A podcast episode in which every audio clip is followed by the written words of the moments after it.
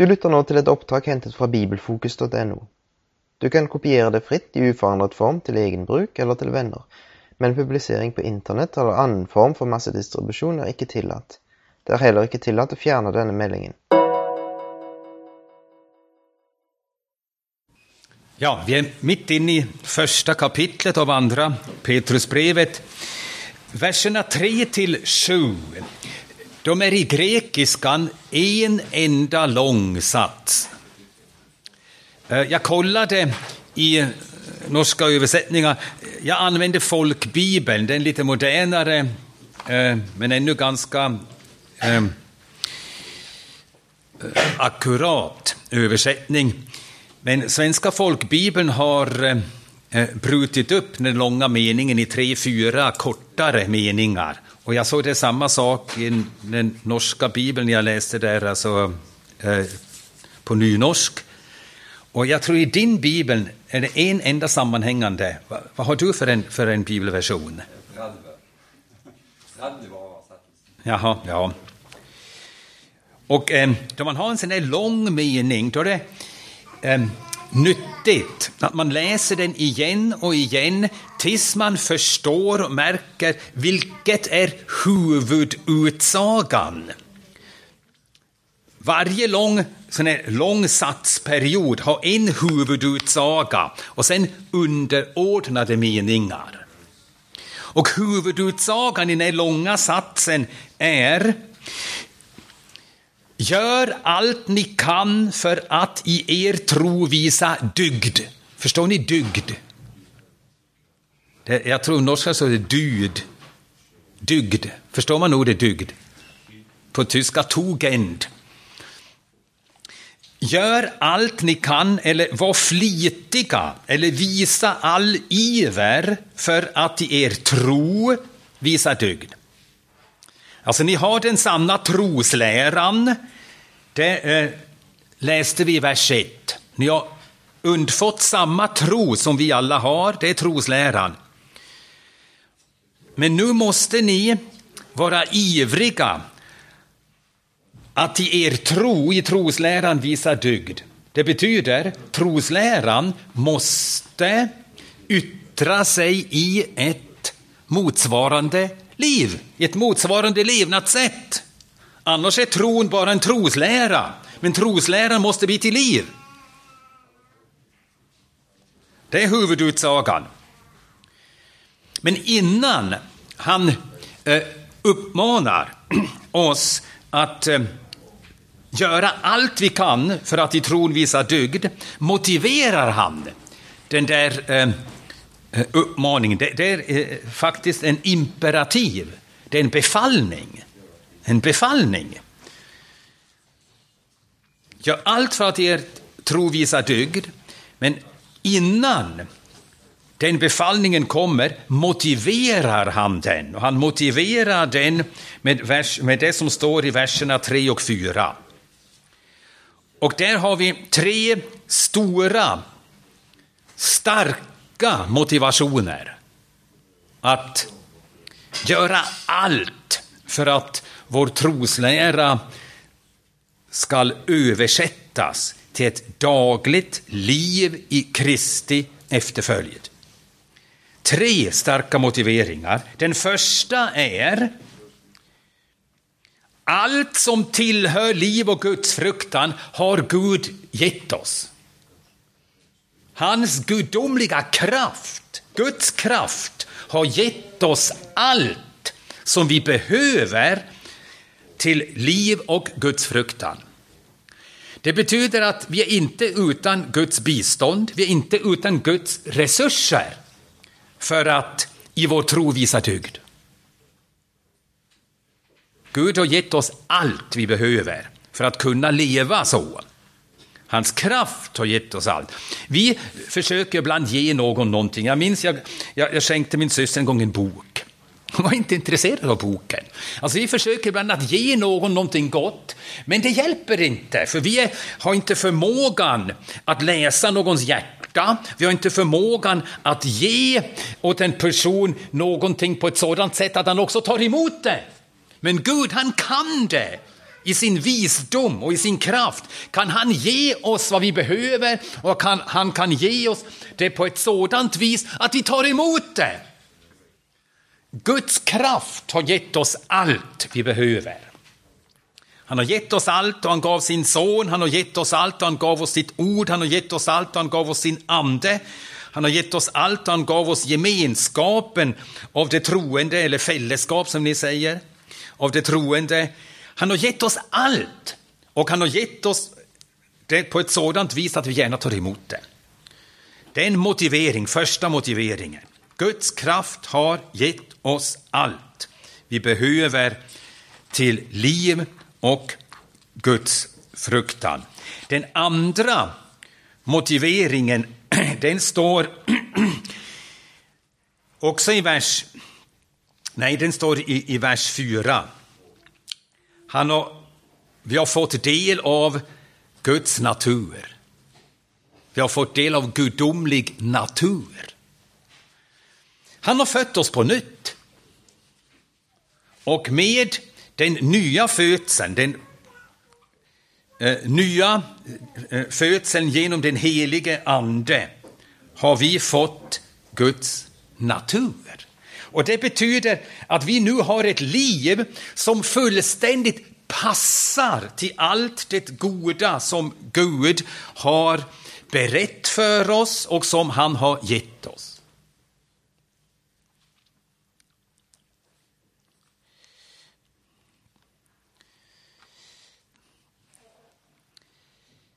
Igen ett exempel med böcker.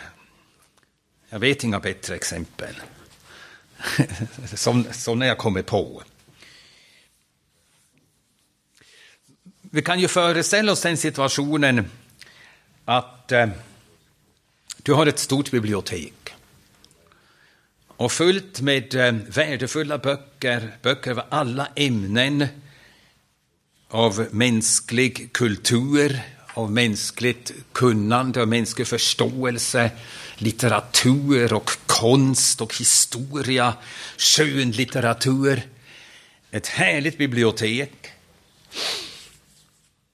Och eh, så eh, får någon av din släkt ärva det biblioteket. Han ärver det biblioteket, men han har aldrig, aldrig i sitt liv ansträngt sig för att eh, få bildning, för att eh, lära, eh, att förstå sig på litteratur och på konst och på historia. Han hade haft möjligheter, men han använde aldrig dessa möjligheter. Och nu får han hela det biblioteket, så går han igenom det biblioteket och ser under böckerna, tar ut en bok, bläddrar lite i den, ställer tillbaks den, tar nästa bok, bläddrar lite i den, ställer tillbaks den. Hela det där biblioteket med alla dessa dyrbara böcker, dessa dyrgripar, som man säger, kan säga på svenska, betyder ingenting för någon som inte har förmågan att uppskatta det. Och nu har Gud gett oss sin natur. Och med den gudomliga naturen har vi förmågan att uppskatta allt det som Gud har gjort för oss i frälsningen. Annars skulle hans frälsning, alla hans löften, inte betyda någonting för oss. Det skulle tycka ointressant. Det hjälper inte i livet. Kan man äta, så tänker folk som inte tror på Kristus, kan man äta löften? Jag är hungrig. Jag vill äta någonting nu. Man kan inte äta löften. De kan inte uppskatta Bibeln och Bibelns rikedomar och Bibelns löften. Men Gud har givit oss en sån natur att vi kan uppskatta det som Gud har berett för oss. Tron, troslivet, gemenskapen med honom, gemenskapen med det troende. Så det, det, är den andra motivationen. Den första, Guds kraft har gett oss allt. Andra motivationen, Gud har gett oss en natur som älskar det Gud har gett oss. Gudomlig natur som älskar allt som kommer från Gud.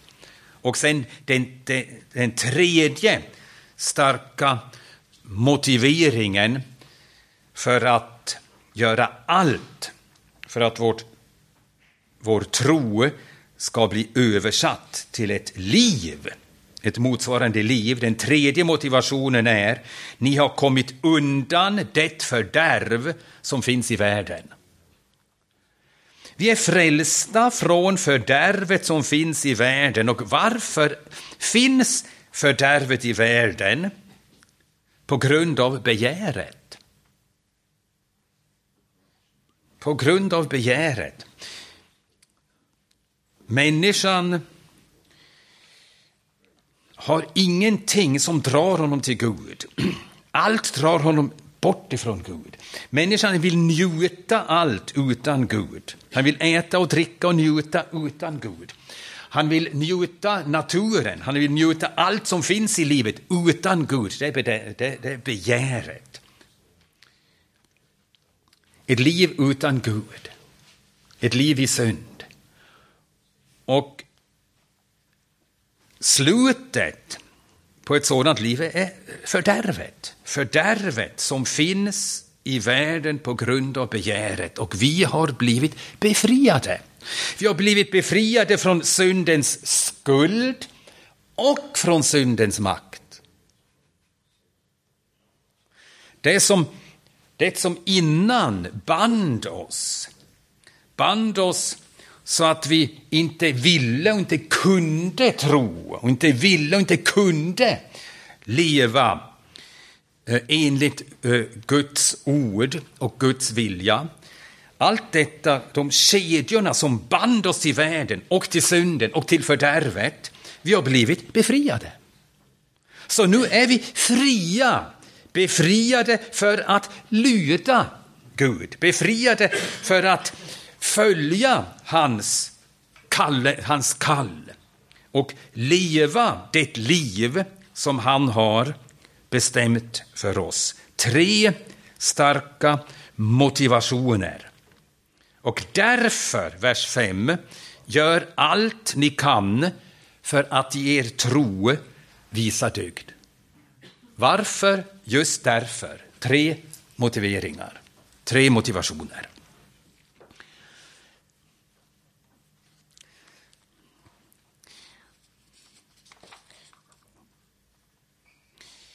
Ja, Gud han har gett oss allt. Vi behöver allt. Sin kraft, gudomlig natur, han har befriat oss, han har gett oss allt. Och det är som ett fundament. Då man bygger ett hus måste man först måste man, eh, gräva och sen lägga ett stabilt fundament. Det är nödvändigt. Men ett fundament är inte Eh, eh, ett mål för sig själv.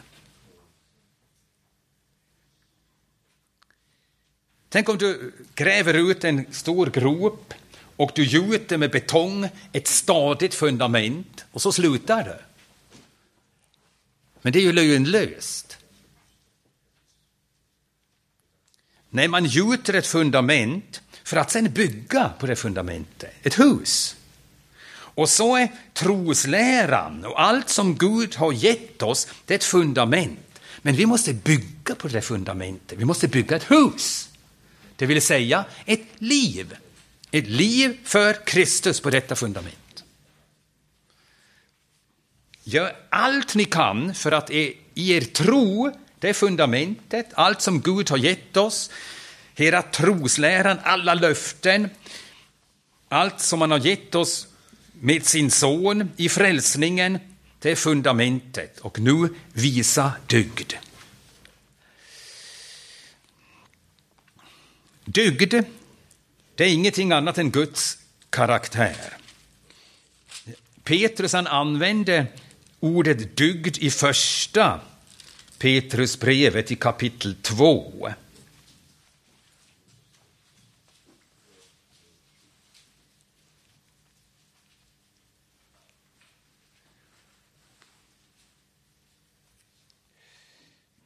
Vers 9. Första Petrusbrevet kapitel 2, vers 9. Jaha, jag måste lite närmre mikrofonen. Är det bättre nu?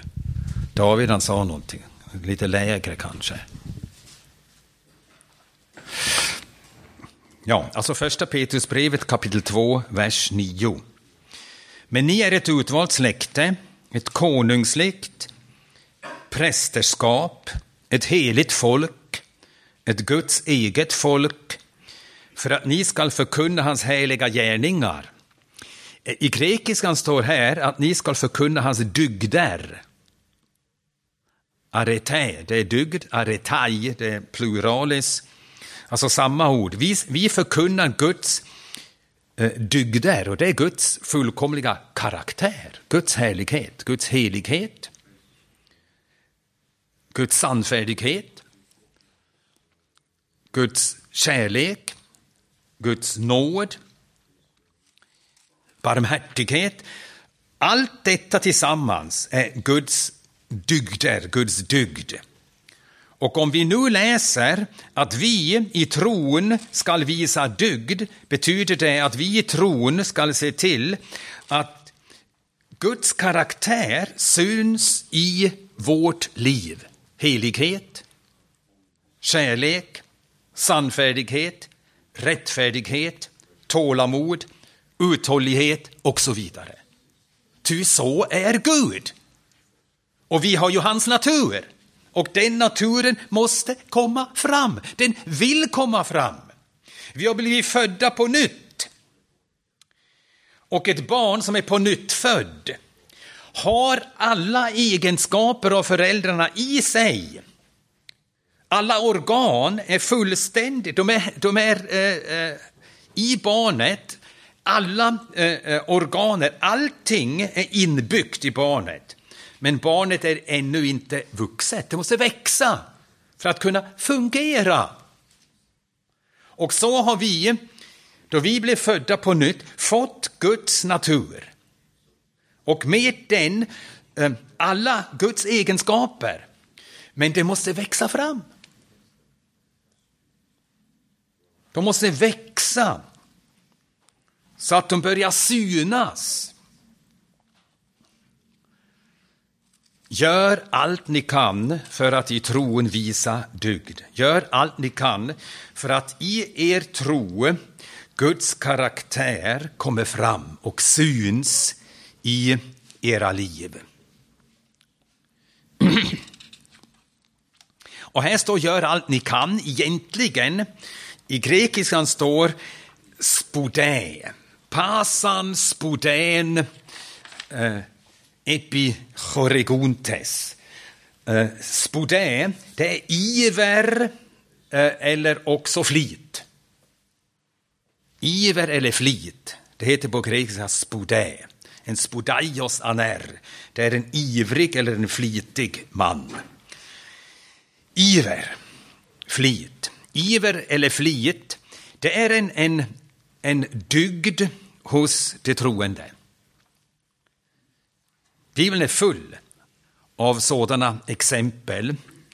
Flit, lathet, det är en, vad är motsatsen av en dygd? En last, ja en last. Förstår ni det? Norska, en last. Lathet, tröghet är en last. Och flit, det är en dygd. Ett par exempel ur Nya testamentet. Romarbrevet kapitel 12, vers 8.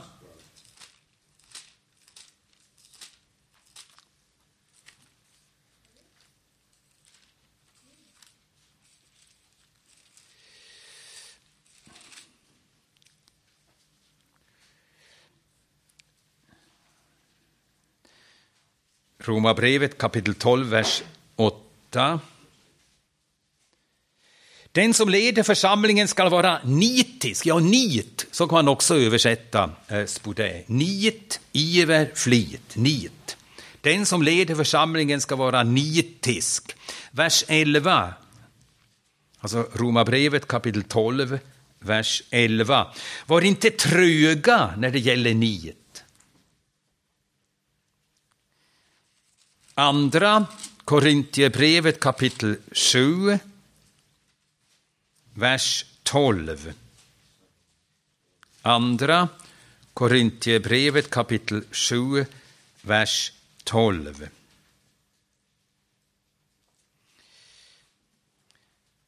När jag skrev till er var det alltså inte med tanke på den som hade gjort orätt eller med tanke på den som hade lidit orätt, utan för att det skulle stå klart för er inför Gud hur ivrigt ni tar er an vår sak. I grekiskan alltid samma ord, spodä eller spodaios. Spodä är nit, spodaios nitisk. Eller, eller flit, flitig.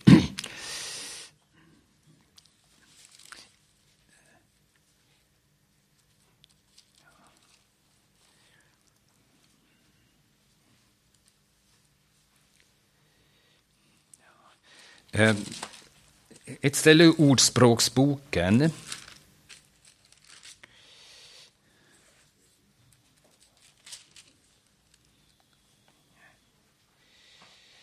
Jag hoppas jag hittar det stället nu. Ja, kapitel 10, vers 4.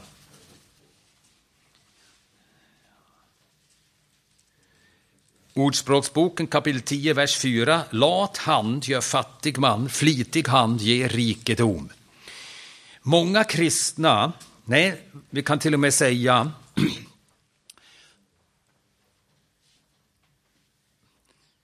att människor, människor förtappas, går förlorade för att de är för likgiltiga, de är tröga, de är lata. Eh, Jesus han sa att vi måste med iver, med nit, med flit söka vägen till det eviga livet. Eh, Matteus evangelium kapitel 7. Matteus evangeliet kapitel 7.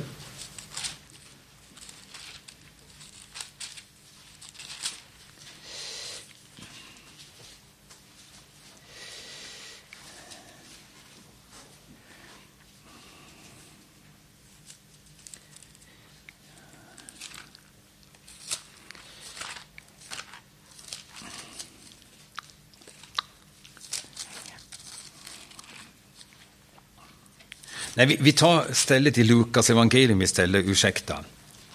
Vi, vi tar eh, Lukas evangeliet, det har vi parallellavsnittet, Lukas kapitel 13. Lukas kapitel 13. vers 23 och 24.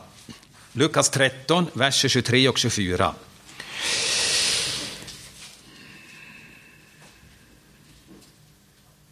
Någon frågade honom, Herre, är det bara få som blir frälsta? Han sade till dem, kämpa för att komma in genom den trånga porten.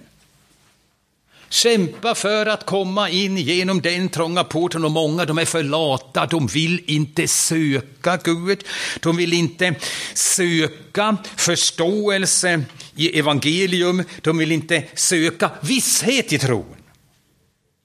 De är likgiltiga, de är tröga, de kämpar inte. Och många går förlorade för de är för lata för att söka det eviga livet. Och många kristna, många kristna, de finner aldrig säkerhet i tron. Visshet i tron. För att de är för likgiltiga, för lata. Hebreerbrevet kapitel 4, Hebreerbrevet kapitel 4, vers 11.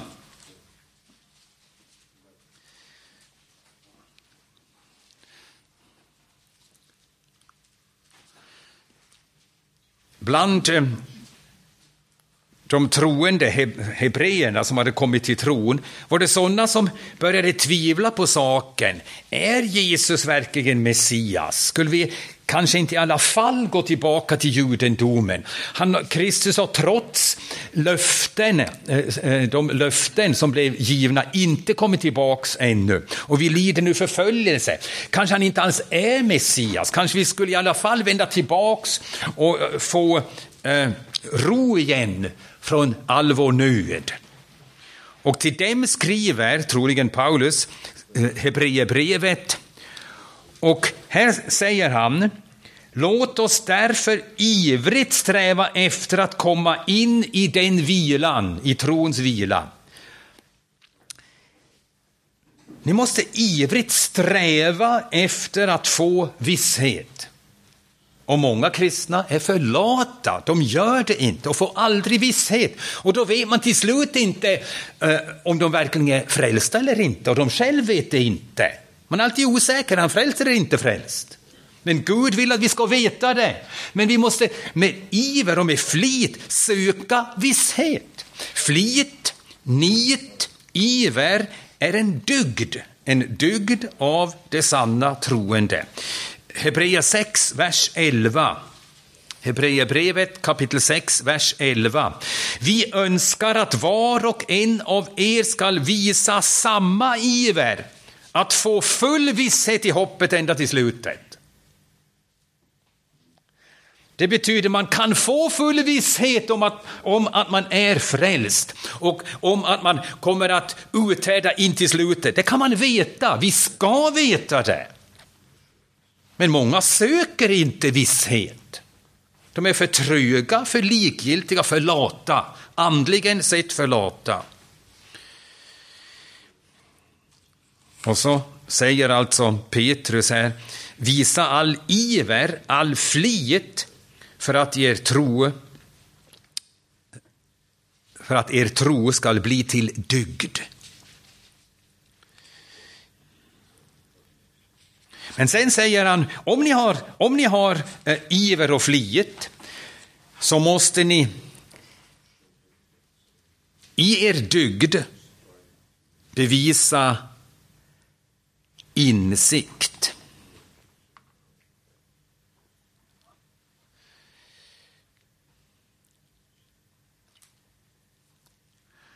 Insikt, kunskap.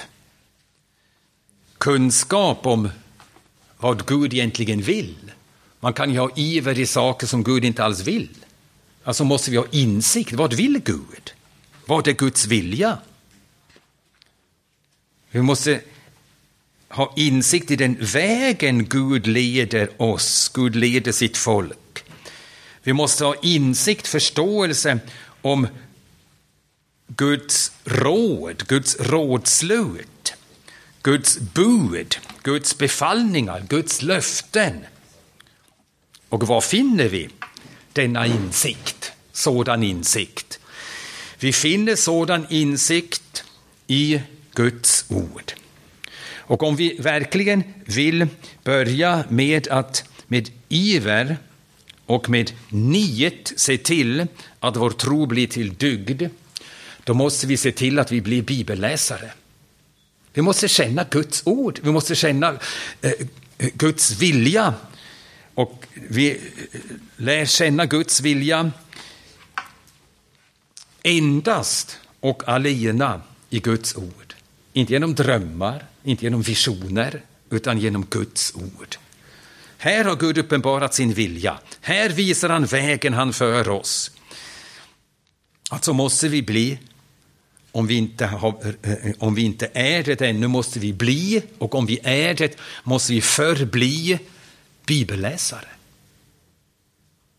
Flitiga bibelläsare. Folk som läser Bibeln från första till sista boken, som systematiskt dagligen läser i Bibeln bok för bok och tänker över det lästa och försöker att förstå och ber om förståelse och insikt.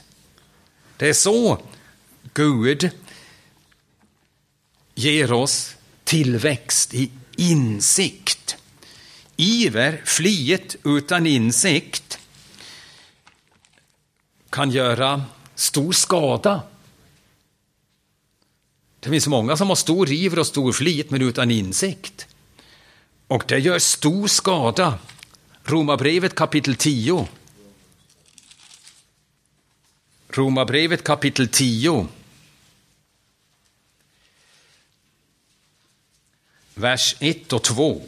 Romarbrevet kapitel 10, verserna 1 och 2. Bröder, mitt hjärtas önskan och min bön till Gud för dem är att de ska bli frälsta, nämligen judarna.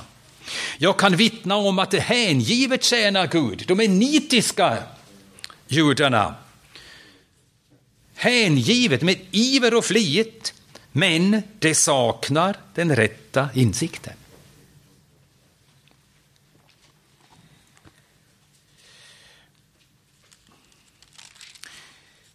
Alltså i dygden insikt. Hur får vi insikt? Det har jag just sagt. Genom Guds ord.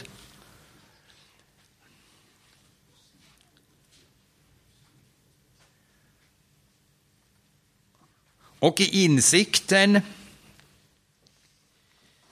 självbehärskning. Självbehärskning.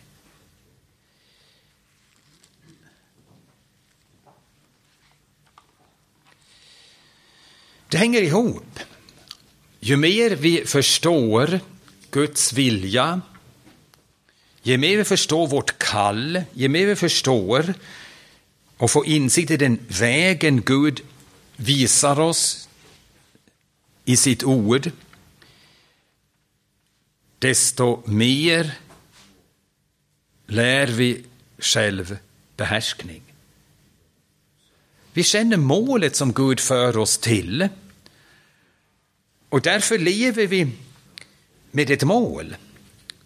Och vårt liv, vår tid, våra ägor, våra talanger, allting har vi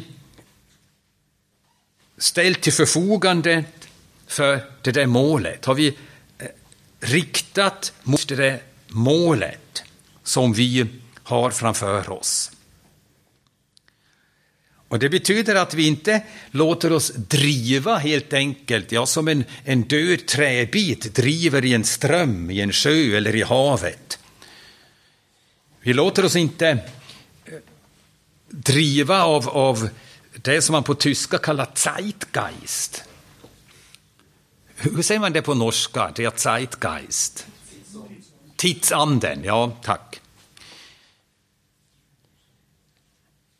Utan det är någonting annat som för oss, som driver oss. Guds ord, Guds ande, Guds vilja, Guds eh, kall.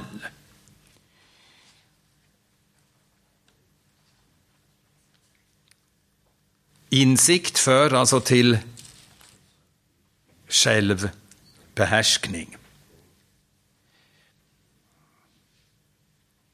Istället för självbehärskning kan man också säga disciplin.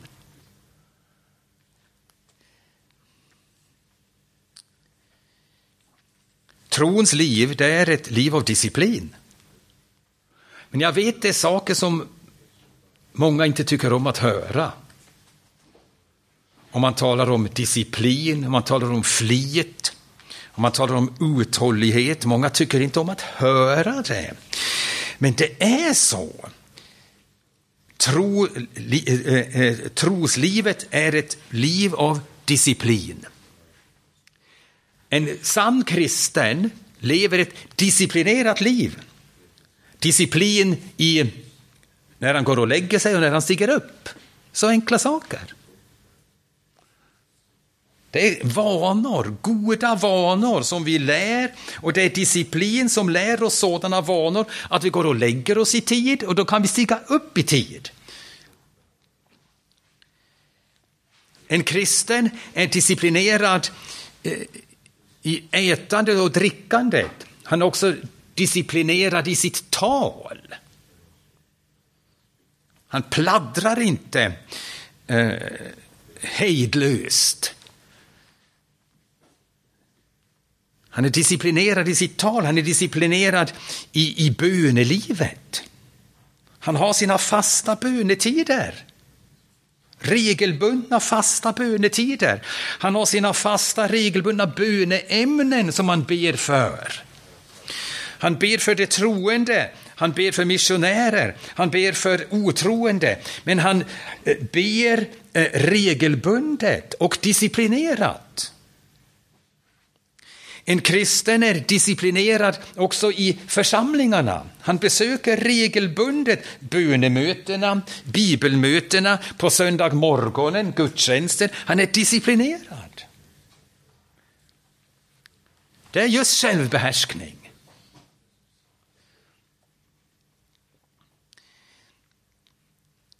Och självbehärskningen visar sig sen i uthållighet.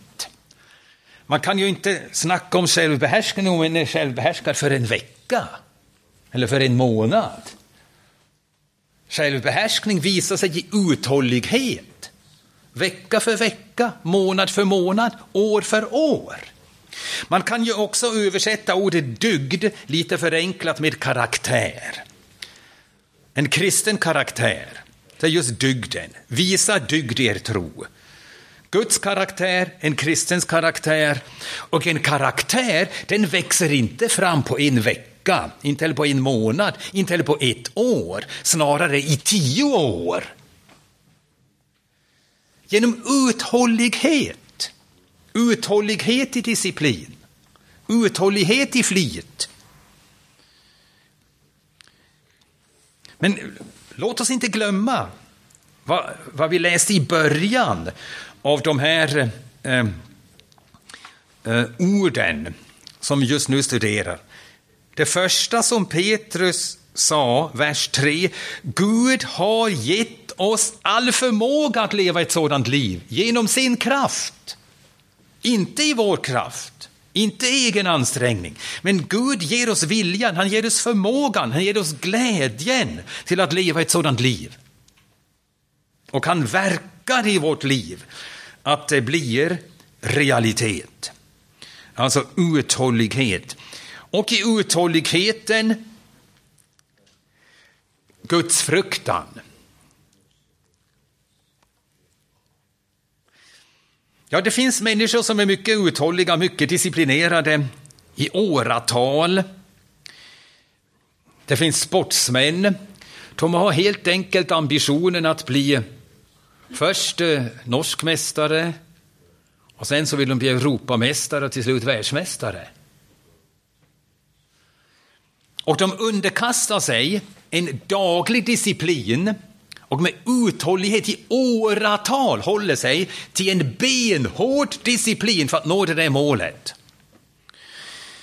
Men inte den sortens, eh, eller inte disciplin eh, eh i sådana Eh, syften som Petrus eh, menar, utan disciplin och uthållighet i Guds fruktan.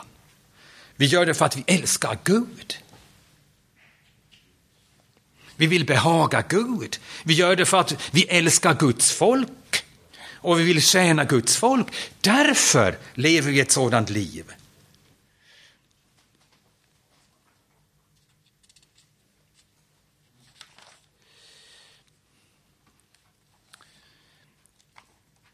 Och medan vi lever ett sådant liv i uthållighet och gudsfruktan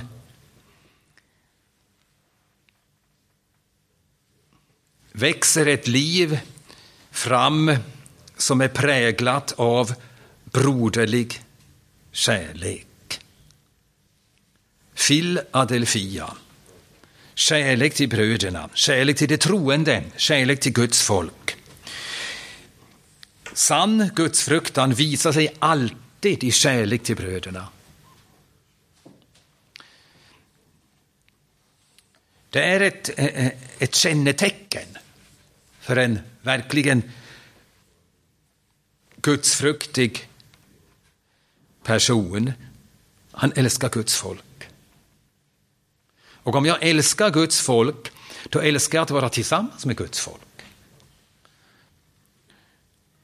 Och om jag älskar Guds folk, då vill jag deras väl. Då är det inte för stor möda för mig att be för mina syskon i tron. Att besöka dem, att hjälpa dem, att stödja dem, att stötta dem.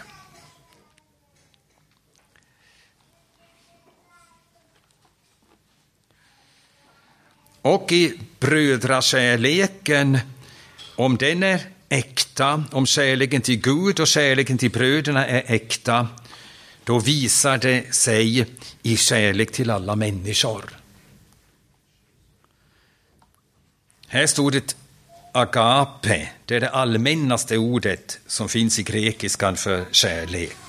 Omfattande, alla sorters kärlek. Kärlek till alla människor. Kärlek till Gud, kärlek till alla människor. Ja, brödrakärleken, den går djupare och den går längre. Vi älskar bröderna, vi älskar syskonen, vi älskar de troende mer än vad vi älskar eh, människorna i allmänhet. Eller hur? Eller stämmer det inte? Får man säga så? Ja, visst får man säga så. Eh, Galaterbrevet kapitel 6.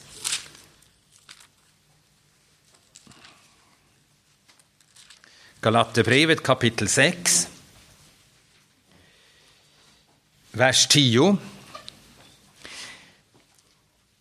Galaterbrevet kapitel 6, vers 10. Låt oss därför göra gott mot alla människor medan vi har tillfälle. Det är just kärlek till alla människor och framför allt mot dem som delar vår tro. Det är brödrakärleken. Framför allt. Syskonen älskar vi mer än människor i allmänhet. Gud själv älskar sitt folk mer och djupare än alla människor. Stämmer det?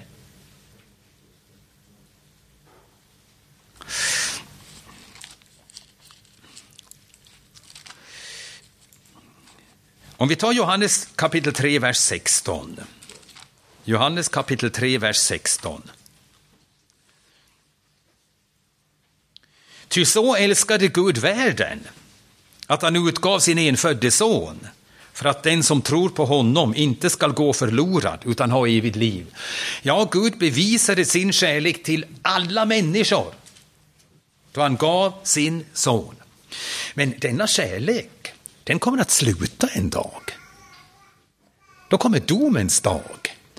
Och då kommer inte Guds kärlek utan Guds vrede i Guds helighet vända sig mot människor som inte tror.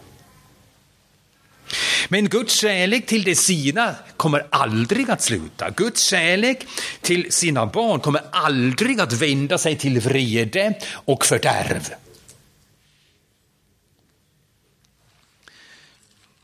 Johannes kapitel 13, vers 1.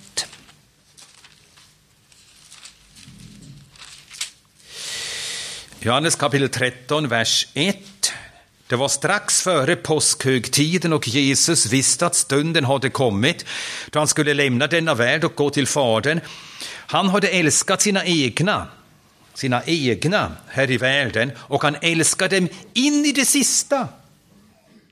Sina egna älskar han in i det sista.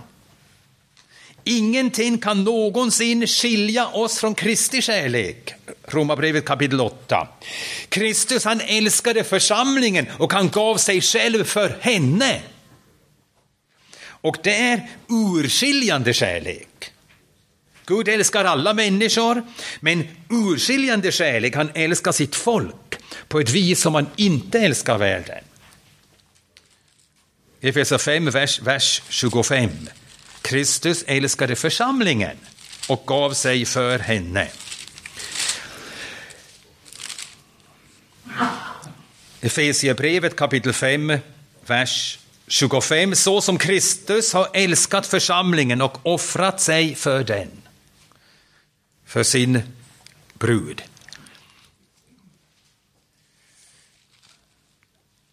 Det är så som vi älskar, vi borde i alla fall älska alla människor. Men bland människorna, fast du är gift, finns det någon du älskar mer än alla andra människor? Din hustru eller din make? Jag älskar min hustru med en kärlek som bara hon får och ingen annan människa i världen.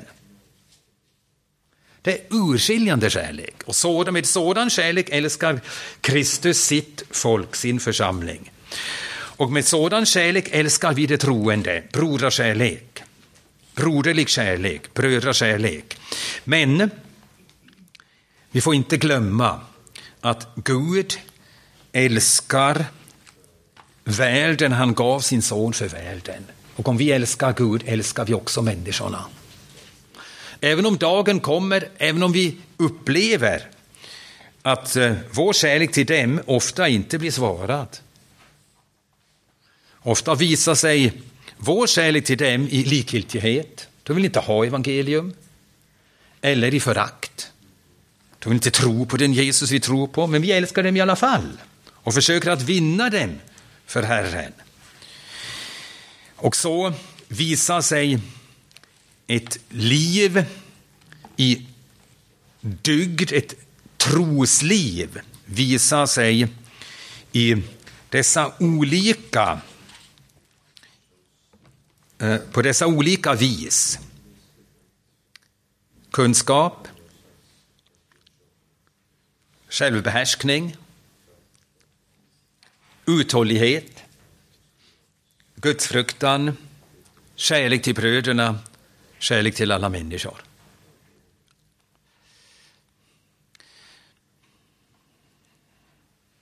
Och sen säger Petrus i vers 8. Ty om allt detta finns hos er, allt detta som man just nu har räknat upp, om detta finns så säger jag hurra, då kan vi vara nöjda med oss själva. Men Petrus är inte nöjd. Han säger om allt detta finns hos er och växer till. Det betyder att vi i dessa olika eh, områden växer. Växer hela tiden. Om ni växer till, då ska vi inte vara overksamma. Overksamma. Som eh, arbetare som står omkring overksamma och inte har något arbete. Det är ordet eh, argos. Det betyder ordagrant overksam.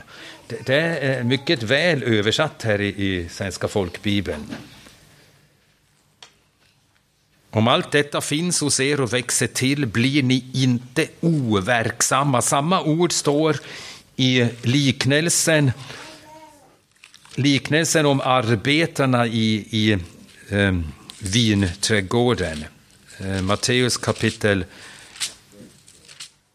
20 vingårdsarbetarnas lön.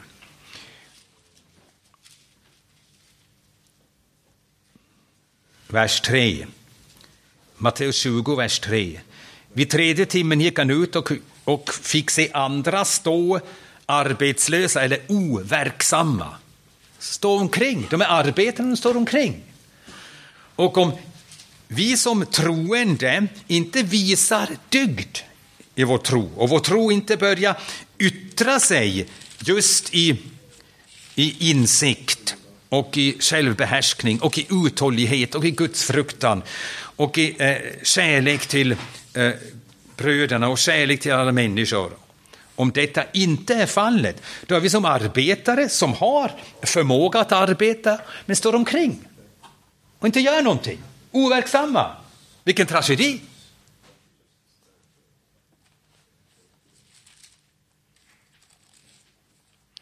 Men det måste inte alls vara så, det behöver inte alls vara så. Det kan vara helt annorlunda med dig. Om allt detta finns hos er och växer till blir ni inte overksamma eller utan frukt. När det gäller kunskapen om vår Herre Jesus Kristus. Så vi ser att tillväxten i dygden har som mål att vi bär frukt. Det är inte ett mål i sig själv.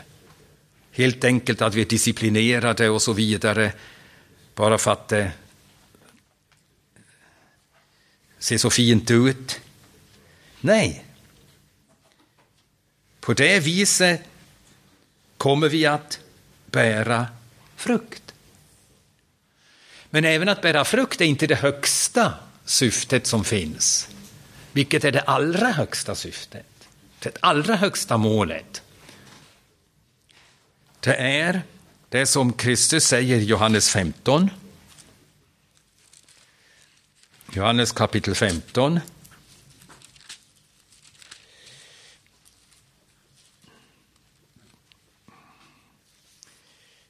Först vers 5, Johannes 15, vers 5.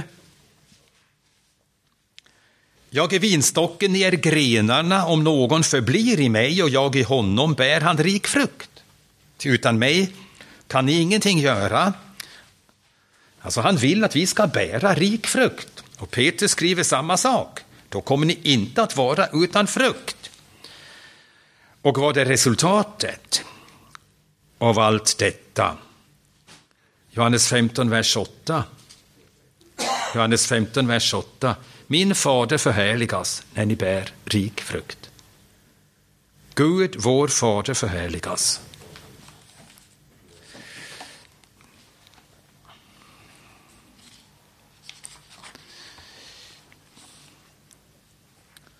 Därför, bröder,